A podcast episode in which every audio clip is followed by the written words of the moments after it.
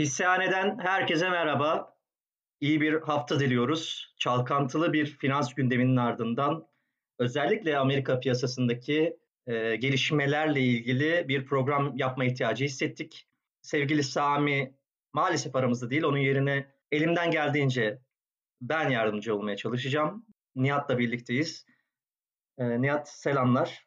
Nasılsın? Selamlar Erman Hocam. Teşekkür ederim. Sen nasılsın? Ben de çok iyiyim.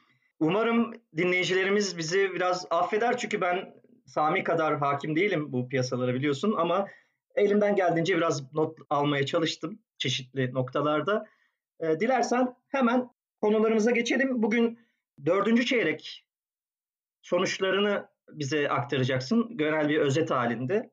Ayrıca tabii ki Ocak ayına damgasını vuran bir GameStop olayı var. Bunun hakkında da belki birkaç kelam edersin diye düşünüyorum. Konularımız bunlar, gündemimiz bunlar. 2020'nin dördüncü çeyrek çok büyük bir çoğunluğu hisselerin veya şirketlerin sonuçları açıkladı. Gözüne çarpan neler oldu? Sıra dışı bir gelişme, bir sonuç, rakamlar var mı? Ne söylemek istersin? Erman Hocam, dördüncü çeyrek genelde zaten biz burada bütün çeyrekleri değerlendirir bir durumdaydık bu bir senelik süreçte. Bunu da atlamamamız gerekiyordu. O yüzden esas konumuz bu olmasa da kısaca bir değinmek istiyoruz. Şimdi elektrikli otomobil sektöründe Tesla açıkladı. Geçen yılki satışlarına nazaran bir 135 bin kadar araç fazla satışını yaparak 500 bine yakın araçla hedeflerin, beklentilerin üstüne çıktı. Bu sektörde aslına bakarsan diğer firmalar daha açıklamadı sonuçlarını. Mesela General Motors 10 Şubat çarşamba günü. NIO Çinli bir e, elektrikli araç şirketi 17 Mart'ta. Li Auto ve Xpeng de aynı şekilde Çinli markalar. Onlar da o zaman açıklayacaklar. Solar enerji kısmında da SolarEdge 16 Şubat, First Solar da 18-20 Şubat arasında açıklayacak e, bilanço sonuçlarını. Şimdi enerjiyi demişken Biden'ın da gelmesiyle beraber bu sektörün artık önünün çok açık olduğunu gördük. Fakat bunlardan hariç bir de petrol işinde olan şirketler vardı. Neler bunlar? Exxon, Chevron, BP, Shell gibi şirketler. Şimdi BP ile Shell 3. çeyrekten hatta daha öncesinden başladılar. Artık e, net zero karbon yani e, sıfır karbonlu üretime devam edeceğiz. Daha sürdürülebilir bir şekilde yaşayacağız, üreteceğiz dediler. Şimdi burada da Exxon böyle bir açıklama yaptı dördüncü çeyrekte. Fakat bu açıklamayı biraz geç ve yapılacak olan yatırımın da az olduğunu buldu e, analistler. Bunun miktarı 3 milyar dolar gibi bir şeydi. Yani ben kendi şirketimizden biliyorum. Kendisi Jeff Bezos 10 milyar dolarlık daha geçen sene 2020 özelinde toplam bizim kendi içerimizdeki kurmuş olduğumuz Climate Pledge üzerinden sürdürülebilir enerji adına yatırımlar yapıyor. O yüzden çok düşük bir rakam geldi. Peki hisse başına kazanç ve gelir rakamları neydi? Dördüncü çeyrekte hisse başına 3 sent kazandı. Analistlerin e, beklediği 1 sentlik yardan daha yüksek oldu. Fakat gelir de düşük kaldı 46 milyar dolarla. Diğer taraftan baktığımızda Chevron 4. çeyrekte 7 sentlik bir kar tahminiyle 7 sentlik tahminin altında kalarak açıkladığı rakam 1 sent ile gene hisse başında düşük. Gelirde de aynı şekilde beklentilerin altında kaldı. Diğer tarafta en önemli petrol şirketleri özelinde Chevron ve Exxon'un birleşmeleri söz konusu olduğu haberleri çıkmıştı. Bu çeyrekte olan bir duyum değildi. Fakat bu çeyrekte de buna dair haberler çıkınca biraz şirketlerde hisselerinde yükselmeler oluyordu. Fakat bunu yalanladılar. Yani yalanlamada değil de açıklama yapmaktan kaçındılar CEO'ları. Hocam e, Microsoft ve Apple ile ilgili bir haber okudum. E, Microsoft'un dördüncü çeyrek gelirleri bir önceki yıla göre %17 artmış. Karları da %34 civarında bir artış gerçekleştirmiş. Ayrıca Apple'da yine aynı şekilde bir yıl önceki yıla göre %21'lik bir artışla 111 milyar civarında bir rekor bir seviyeye ulaştı. Bunu zaten sen de muhtemelen söyleyeceksin hani 100 milyar dolar bandından. Apple'ın bir saatte 50 milyon dolar satış elde ettiğini söylersek acaba nasıl bir büyüklükle evet. karşı karşıya olduğumuzu herhalde e, tahmin edebiliriz. Yalnız bu arada bunlar hisse fiyatlarına çok iyi yansımadığını görüyorum. Bunun sebebini ben sormak isterdim sana aslında. Ee, artık bu e, saydığımız 5 büyük şirket hisse fiyatlarına aslında şu süreçte en fazla yani geçen seneki süreçte en fazla yansıyan iki şirket Apple ve Amazon. Hatta pandemiden de en güçlü çıkan iki şirket olarak gözüküyor. Açıkçası Apple'ın bu şekilde olmasına Apple'ın hisse fiyatları biraz düşmüş bile yani %2-3 civarında bir düşüş yaşamış. Tabii şimdi şöyle Apple aslına bakarsan normalde senin bahsettiğin şekilde ilk defa mesela 100 milyar dolarlık bir gelir elde ediyor bir çeyrekte. Bunlar büyük rakamlar. Yapmış olduğu yüzdelik artışlarda her kalemde iki haneli rakamlarla büyüyor. Aslında hani bunlar böyle birazcık daha böyle olayı egzajere eden durumlar verilen haberlerde.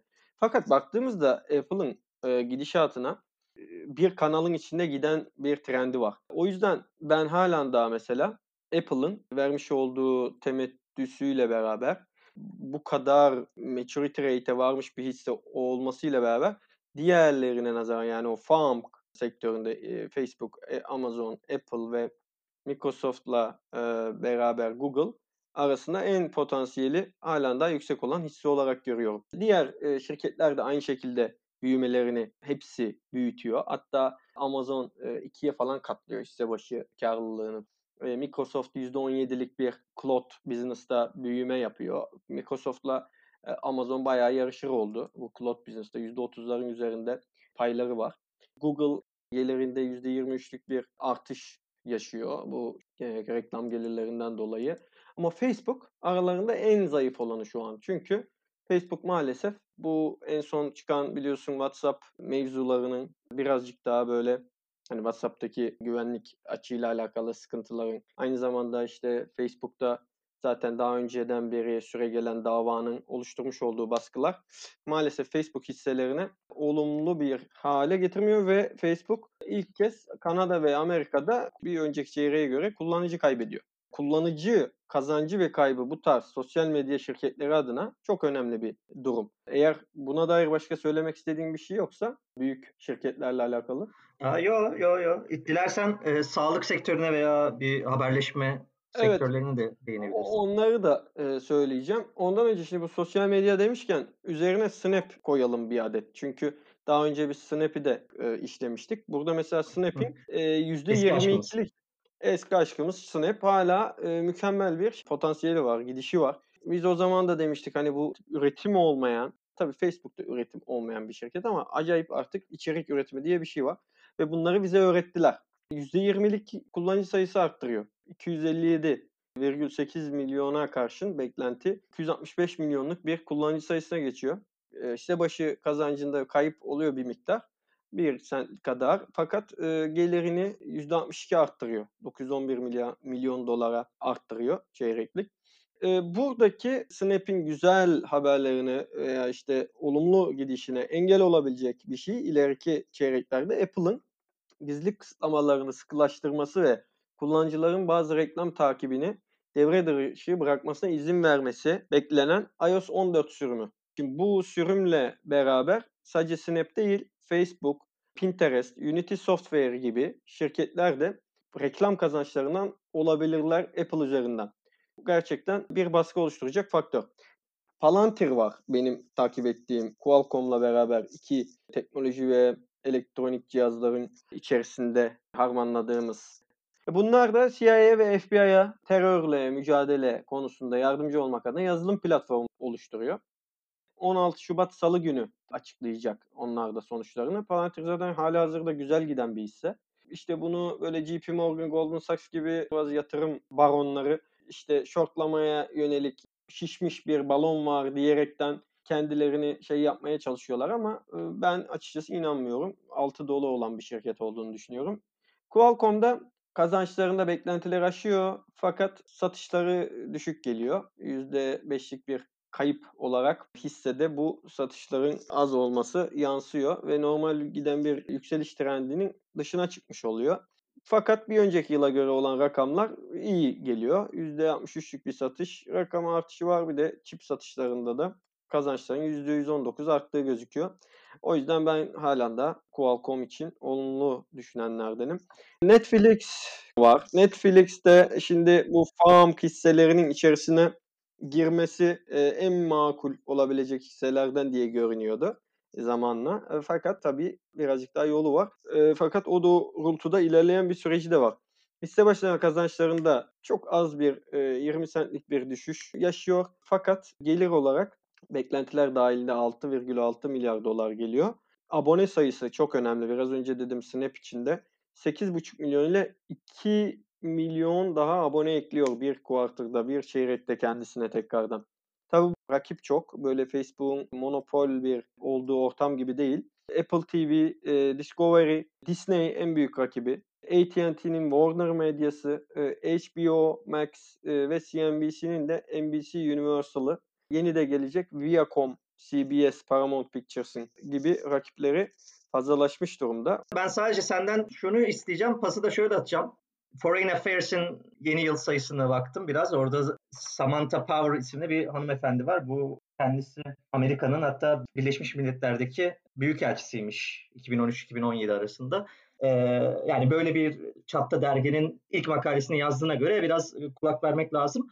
Orada Trump döneminde Amerika'nın nasıl dünya çapında bir profil düşüşü yaşadığını, nasıl bir güven eksikliği yaşadığını, güvende insanların Amerika'ya güveninde nasıl bir azalma yaşadığından falan bahsederken Biden'ın dönüşümü tekrar hani Amerika'yı biraz daha eski rakipsiz haline ulaştırmak için neler yapması gerektiğine dair bazı ipuçları vermiş. Özellikle üç tane şeyin altını çiziyor. Bir numaraya aşı dağıtımı yani vaccine distribution diye yazmış ama bunu nasıl çeviririz bilmiyorum ama yani global anlamda bu Covid aşılarının ulaştırılması ve bütün dünyaya yayılması konusunda bir atılım yaparak, burada bir bayrak taşıyarak bu noktada e, dünya üzerindeki, dünya çapındaki imajını tekrar eski haline getirebileceğinden bahsediyor. Bu konuda da e, burada da iki tane sektör devreye giriyor. Bir ulaşım hem kargo olsun de FedEx gibi hem de işte birkaç tane baba aşı üreten sağlık firması var. Bunlarla ilgili ben senin fikrini alacağım. Kısa ama çok kısa. Ee, bunlarla hakkında bir bilgin varsa ya da e, bir analizin olduysa bunları istiyorum. Evet.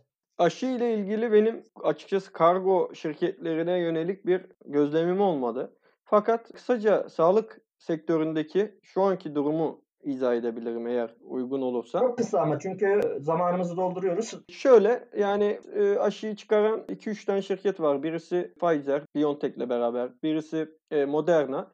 Diğeri de AstraZeneca. Johnson Johnson da geliyor yavaştan. Şimdi bunlar içerisinde açıklayan, dördüncü çeyrek sonuçlarını açıklayan ve durumun ne halde olduğunu görmeden çeyrek sonuçları itibariyle Amerika dördüncü çeyrek yani yıllık Wall Street değerlendirmesinde en iyi dördüncü sektör gelir olarak, gelir artışı olarak kazanç artışı olarak da en güçlü altıncı sektör olduğu vurgulanıyor. Şimdi bu da e, tabii hangi e, verilerle? Johnson Johnson'ın, Pfizer'in, Merck'in ve Novartis'in verileriyle biz bunu görüyoruz. Şimdi burada Johnson Johnson iki tarafta da hem hisse başına kazanç hem de gelirler anlamında 22,5 milyar dolarlık geliri ve 1.86 dolarlık hisse başına kazancıyla konsensüs tahminlerini geçiyor. Pfizer'de bir şey var, zayıflık var Merck'le beraber. Beklentileri karşılayamıyor. Hisse başına kazançta 42 centlik bir şeyde kalıyor. Gelir olarak da 11,6 milyar dolarlık gelirle bir tık üstünde açıklıyor. Merck iki tarafta da maalesef karşılayamıyor. Merck'teki durum birazcık daha kötü. Tabii bu daha aşı ile ilgili bir zaten çıkan tarafı yok. Novartis mesela iki tarafta da yüksek fakat gene aşıya takviye veren ilaç bazında bir olayı olmadığını biliyoruz. Ama e, dağıtım ve geliştirme konularında yardımcı olan kurumlar olduğunu düşünüyorum. Burada AstraZeneca ve Moderna'nın raporları da 25 Şubat'ta bekleniyor. Onları da bir gördüğümüz zaman esas o ikisinin de yaptığı geliştirmeyle beraber daha olumlu bir sonuçlar görebiliriz diye düşünüyorum. Ama aşının yansımaları daha çok birinci çeyreğe bence verecektir kendini. Çünkü şu an aşılar. Ocak'ta zaten dağıtılmaya başlandı benim. Yatırım yapmak isteyen arkadaşlar varsa bu da e, tabii ki önemli. Yani dördüncü çeyrek rakamları kadar forecast anlamında. Kesinlikle. Öyle görünüyor ki hani bu şirketler ve hatta ulaşım alanında faaliyet gösteren şirketleri radar almakta fayda var diye düşünüyorum. İkinci olarak hani ilk iki tane daha nokta var demiştim Amerika'nın dikkate alması gereken makaleye göre. Trump döneminde biliyorsun göçmen karşıtı politikalardan dolayı bu aynı zamanda e, yabancı öğrencilerin de gelmesine karşı belli önlemler aldılar ve epey de bir kısıtlamışlar. Özellikle Müslüman ülkelerden biliyorsun. Educational Opportunities demiş. Yani 2019'da Amerika Birleşik Devletleri'nin en büyük 6. ihracat kalemi servis sektöründe eğitim. Yani yaklaşık 45 milyar dolarlık bir gelir sağlamış. Bu tabii benim hiç bildiğim bir şey değildi. Ben de biraz şaşırdım. Bununla ilgili acaba yani hangi şirketler göz atmak lazım? Bunu ben hem merak ettiğimden sana soracağım hem de bunu istersen sonraki programlarda biraz araştıralım. Nedir, ne değildir? Evet. Belki buralarda bir zıplama bekleyebiliriz. Joe Biden dönemiyle birlikte bu eski haline muhtemelen gelecektir ve bu da rakamlara illaki yansıyacaktır diye düşünüyorum. Bunu sadece bir not olarak verdim. O zaman asıl konuya gelelim. Piyasayı Allah bullak etti biliyorsun. Hatta belki bu büyük şirketlerin rakamlarını bile insanlar artık e, ilgilenmedi. GameStop ve GameStop'tan sonra birkaç tane başka şirketin hisse fiyatlarındaki ani değişiklikler. Bununla ilgili herkes konuştu.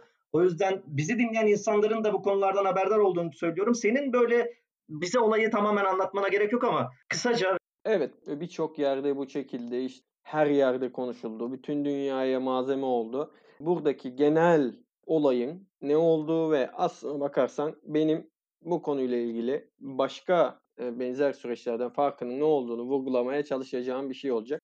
Daha çok bizim ülkemizde bu olayı en güzel yansıtmaya çalışan Özgür Demirtaş hocamızdan faydalandım. Onun adını vermezsek ayıp olur şimdi. Gerçekten güzel anlatmış. Onun üzerine de ben bir şeyler eklemek istedim. Olay şu. GameStop diye bir hisse var. Bunun üzerinden her şey kurgulanıyor. Ve bunu kurgulayanlar küçük balıklar, büyük balıklar şeklinde ayrılıyor. Şimdi burada küçük balıklar diyebileceğimiz küçük yatırımcılar Reddit diye bir platform var. O platform üzerindeki Wall Street Bets denilen bir forum var. Organize oluyorlar. 2,5 milyonluk bir küçük balık. Reddit tabii bayağı popüler ve bilinen bir mecra. Ben açıkçası Reddit'i de şimdi birazdan bahsedeceğim Robinhood'u da burada daha çok anlayabildim. Çünkü ben Reddit'in bu tarz bir oluşuma vesile olduğunu bilmiyordum. Bunu mesela ekşi sözlüğe benzetme ihtimaliniz olur mu acaba forum bazında düşünürsek? Kimi anlamıyla evet ama tabii ki bambaşka şeyler ama yani, yani oldukça popüler. Yani Türkiye'de de milyonlarca insan olduğunu düşünüyorum yani Reddit'ten yani, en azından aynen, olan. Buradan çok fazla örgütlenip bir şeyleri değiştirebilen küçük insan toplulukları olduğunu görüyoruz yani. Küçük insandan kastım ekonomik olarak çok fazla bir şeyleri belki tek başına yapama gücü olmayıp burada bu örgütlenmeyi en azından Wall Street bazında yapıldığını gördük. Diğer büyük balık kısmı da hedge fonlar. Yani hedge fon deyince daha çok Wall Street piyasasında koruma içgüdüsüyle hisselere yaklaşan fonlar yani yatırım amaçlı değil de birazcık daha elinde olanları korumaya yönelik birazcık daha short yani aşağı doğru gitmesini gözleyen gözler diyebiliriz. Bunlar sadece GameStop'ta değil, Express, COS gibi, AMC gibi, Nokia ve BlackBerry gibi hisselerde 13 adet hissede de belli bir volatilite oluşturuyorlar karşılıklı. Tabi bunları yaparlarken bu küçük yatırımcıların kullandığı aracı kurum platformu da Robinhood. İşte Türkiye'de mesela bir işlem yaparken bankanın vasıtasıyla yapıyorsunuz veya aracı kurumlarla yapıyorsunuz. Burada da Robinhood en gözde olanın sebebi e, komisyonsuz yap, yaptırıyor işlemlerini. Aldıkları parayı daha çok reklamlardan alıyor. Ve burada 25-29 Ocak arasında bir haftada S3 Partners denilen bir araştırma kurumu var. Oradan alınan bilgiye göre yatırım fonlarının 5 milyar dolardan fazla kaybettiği söyleniyor. Şimdi hedge fonlar ne yapıyorlar? GameStop hissesinin düşeceğini öngörüyorlar. O yüzden açığa satış denilen bir işlem yapıyorlar. O da işte aşağı gideceğini görüyor. Çok yüklü alımlar yapınca küçük yatırımcılar bu süreç onlar adına bir kayba yol açıyor. Bunlardan da en bilindiği Citron Research'ten Andrew Left. Çarşamba günü 27.01'de yapılan açıklamada GameStop'un hisse başına 20 dolara hızla düşeceğini söylüyor ve hisseyi şişirmekte olan bu mafya grubu olarak nitelendiriyor bu 2,5 milyonluk insana. Saldırıların ellerinde patlayacağını iletiyor bunlar teröristtir şeklinde bir açıklama gelmiş midir acaba? Araya girmek istiyorum Nihat'cığım. Yani bu GameStop benim de böyle çok iyi bildiğim bir şirket değil ama en azından Amerika'da oyun sektöründe belli bir yeri olan bir firma ve Covid döneminde oldukça da kötü etkilenmişler. Ancak benim anlamadığım şey şu. Amazon'a özellikle pet food sektöründe kafa tutan bir firma var, Chewy diye. Bu arkadaşların işte kurucusu, CEO'su Ryan Cohen diye bir adam var ve bu Aralık ayında epey bir epey bir yatırım yapıyor. Yani Reddit hareketinden daha önce GameStop hisselerinde bir çalkantı veya bir hareket var zaten. Burada hani Reddit'in payı ya da işte Reddit'i örgütleyen kişilerin payı ne, ne kadar? Belli ki bir şeyler olacak bu hissede. Doğru. Zaten bununla ilgili de işte birkaç dergide çıkmış belli alımları gösteren durumlar söz konusu. Yani o dönemden. Daha öncesi mi var bunun? Ya ben Aralık dedim ama. Yani şöyle öncesinde olanlar şimdi Michael Burry var mesela. Senin dediğine kesinlikle katılıyorum. O dönemde Ryan Cohen alım e, yapıyor fakat Ryan Cohen zaten Ağustos'ta 9 milyon adet kadar bir hisse almış ve 8 dolarlardan almış. Yani şu an GameStop'un 480'lere gelip bir daha oradan 50'lere falan geldiğini düşünürsek yani yaptığı karın haddi hesabı olmuyor. Dünyalığını yaptı diyorsun. Ama şöyle Ryan Cohen kendisi yönetim kurulunda şu an hani %10'una sahip e, hisselerin ve o yüzden o oradan çıkmayacak. O zaten oradan kar edeyim ben çıkayım buradan diyecek bir yatırım kurumu şeklinde çalışmıyor şu an. İşte senin dediğin kendi şirketinin Chevy'di değil mi? O şirketin vizyonunda burada da bir vizyoner hareket yapmaya çalışıyor. Bir online satış platformu kurup artık oyun adına bu piyasada nasıl ki petler için Amazon gibi firmalara rakip olmuş online olarak. Burada da onu olmayı isteyen bir tarzı var aslında. Ama mesela Michael Burry var. 2007'deki bu konut balonunu fark edip ün kazanan Big Short filminde Christian Bale'in hmm. canlandırdığı baba. Michael Lewis'in yazdığı kitaptaki. Bu adam Eylül sonu itibariyle aslında Cohen daha önce tabii bunu yatırımdan ziyade kendi işini kurmak adına yapan bir girişim. Burada ama bu adam kendi fonu için 1.7 milyon hisse alıyor Eylül sonu itibariyle. 17 milyon dolar değerindeyken 2 Şubat itibariyle 4 aydan kısa bir sürede zaten olmuş olay görüyor musun? Eylül'den Şubat'a %1380'lik bir artış olmuş. Bu baba ne içiyor ya acaba yani? E, Big Short'u izlediğimde zaten efsane bir film. Aynen. Hayran kalmıştık ama abi... Burada şortlamamış hocam. e, e, elini eteğini çekmemiş. Hala gözü doymamış. Devam Yok. ediyor. İşte bu bu baba özelinde Tesla'yı 2019 sonu 20 başı gibi bu hisse balondur. Hocam bizim de dediğimiz gibi ya bunları dedik zamanda. Ben Elon Musk'çı bir tarafım yok biliyorsun. Böyle diyen babalardan. Fakat maalesef sonra o da Tesla'nın arkasından gidiyor yani. Hani hiç kimse hmm. önüne geçemediği için. Sonuç olarak bu abimiz de o şekilde bir alım yaparak zaten şişiriyor. Bunlar büyük yatırımcılar.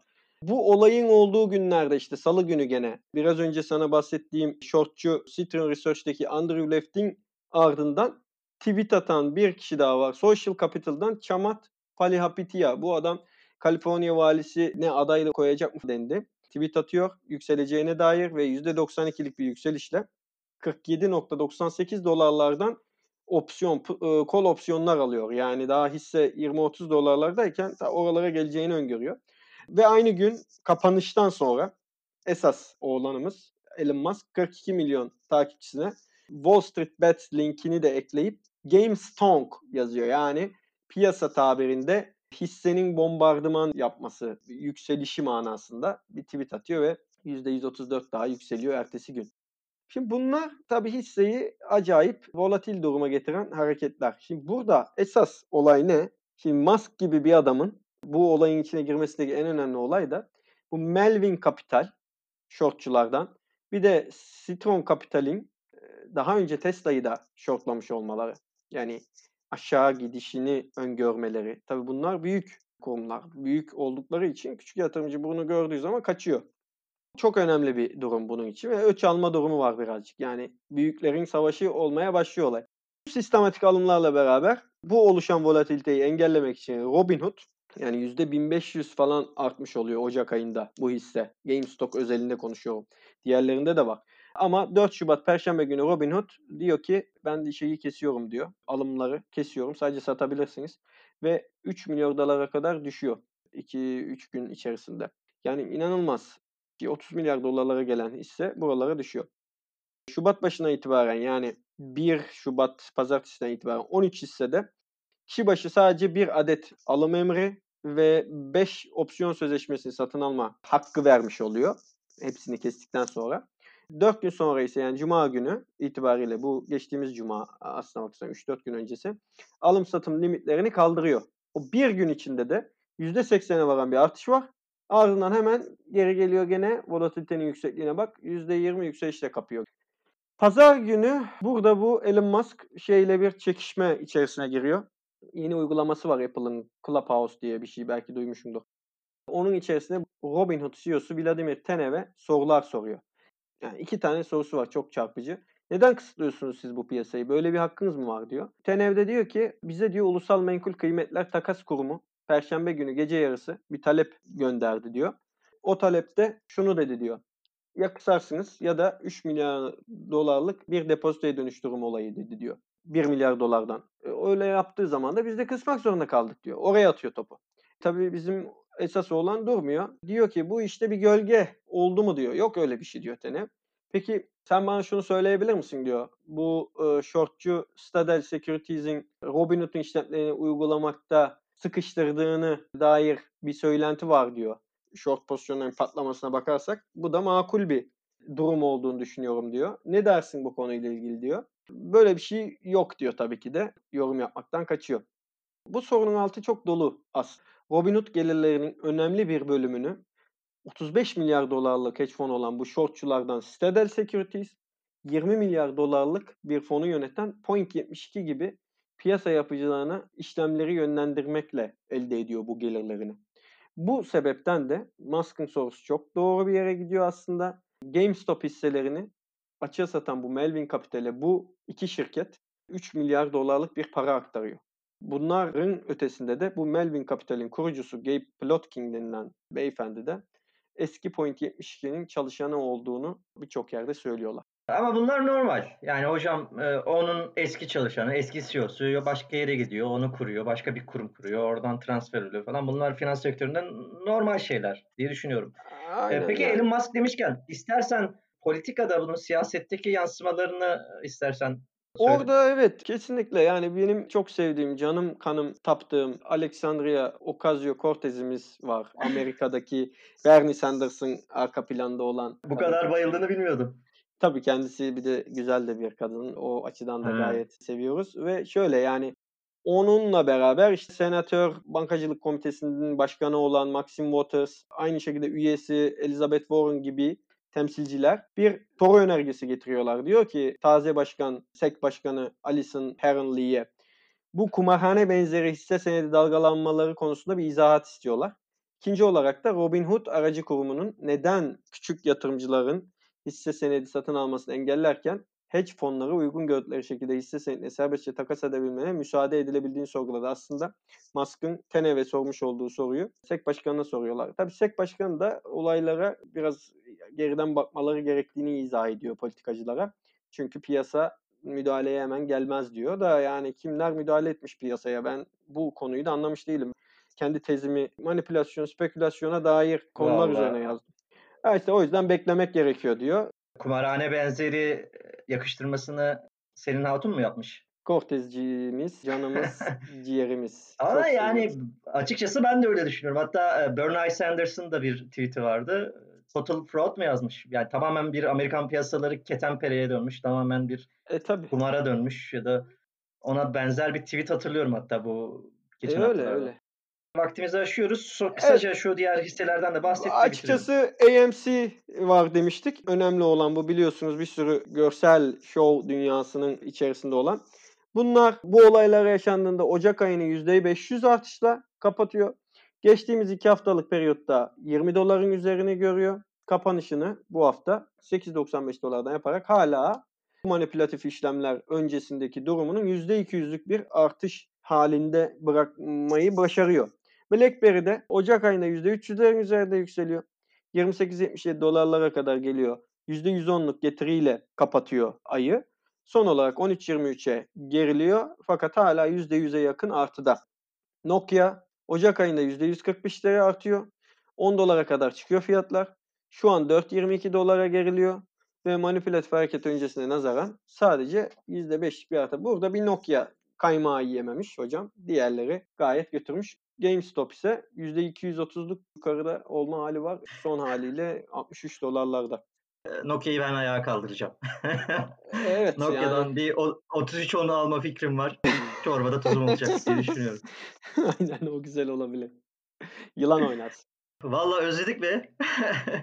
Yılan evet. oynamayı da özledik. Evet hocam Neyse. biz seni de özledik. Böyle böyle görmeyi istiyoruz inşallah bir dahaki programlarda. Keyifli. Ben de bir senedir hemen hemen konuşmadığım için biraz tutukluk da göstermiş olabilirim. Şimdiden özür dilerim dinleyicilerden ama ben de yeni şeyler öğrendim sayende. Hatta sizin Sami ile yine bulduğunuz böyle garip garip hisseler var. Onlardan konuşmanızı isterim. Bunlar hakkında da takip eden insanlara bir ufuk açmanızı dilerim. Var. Bunlarla ilgili benim de düşüncelerim var. Özellikle şimdi bir futbol takımları bizim Türkiye'deki Aa, batışını of. gösteren bir e, hareket Aa, olacak yok, bu. Yok, e, ilgimi çekmiyor. Ben sana çok teşekkür ediyorum. Umarız keyifli bir program olmuştur. Umarız çok fazla sürçülisan etmemişimdir. Hoşça kalın. Sevgiyle kalın. Hoşça kalın.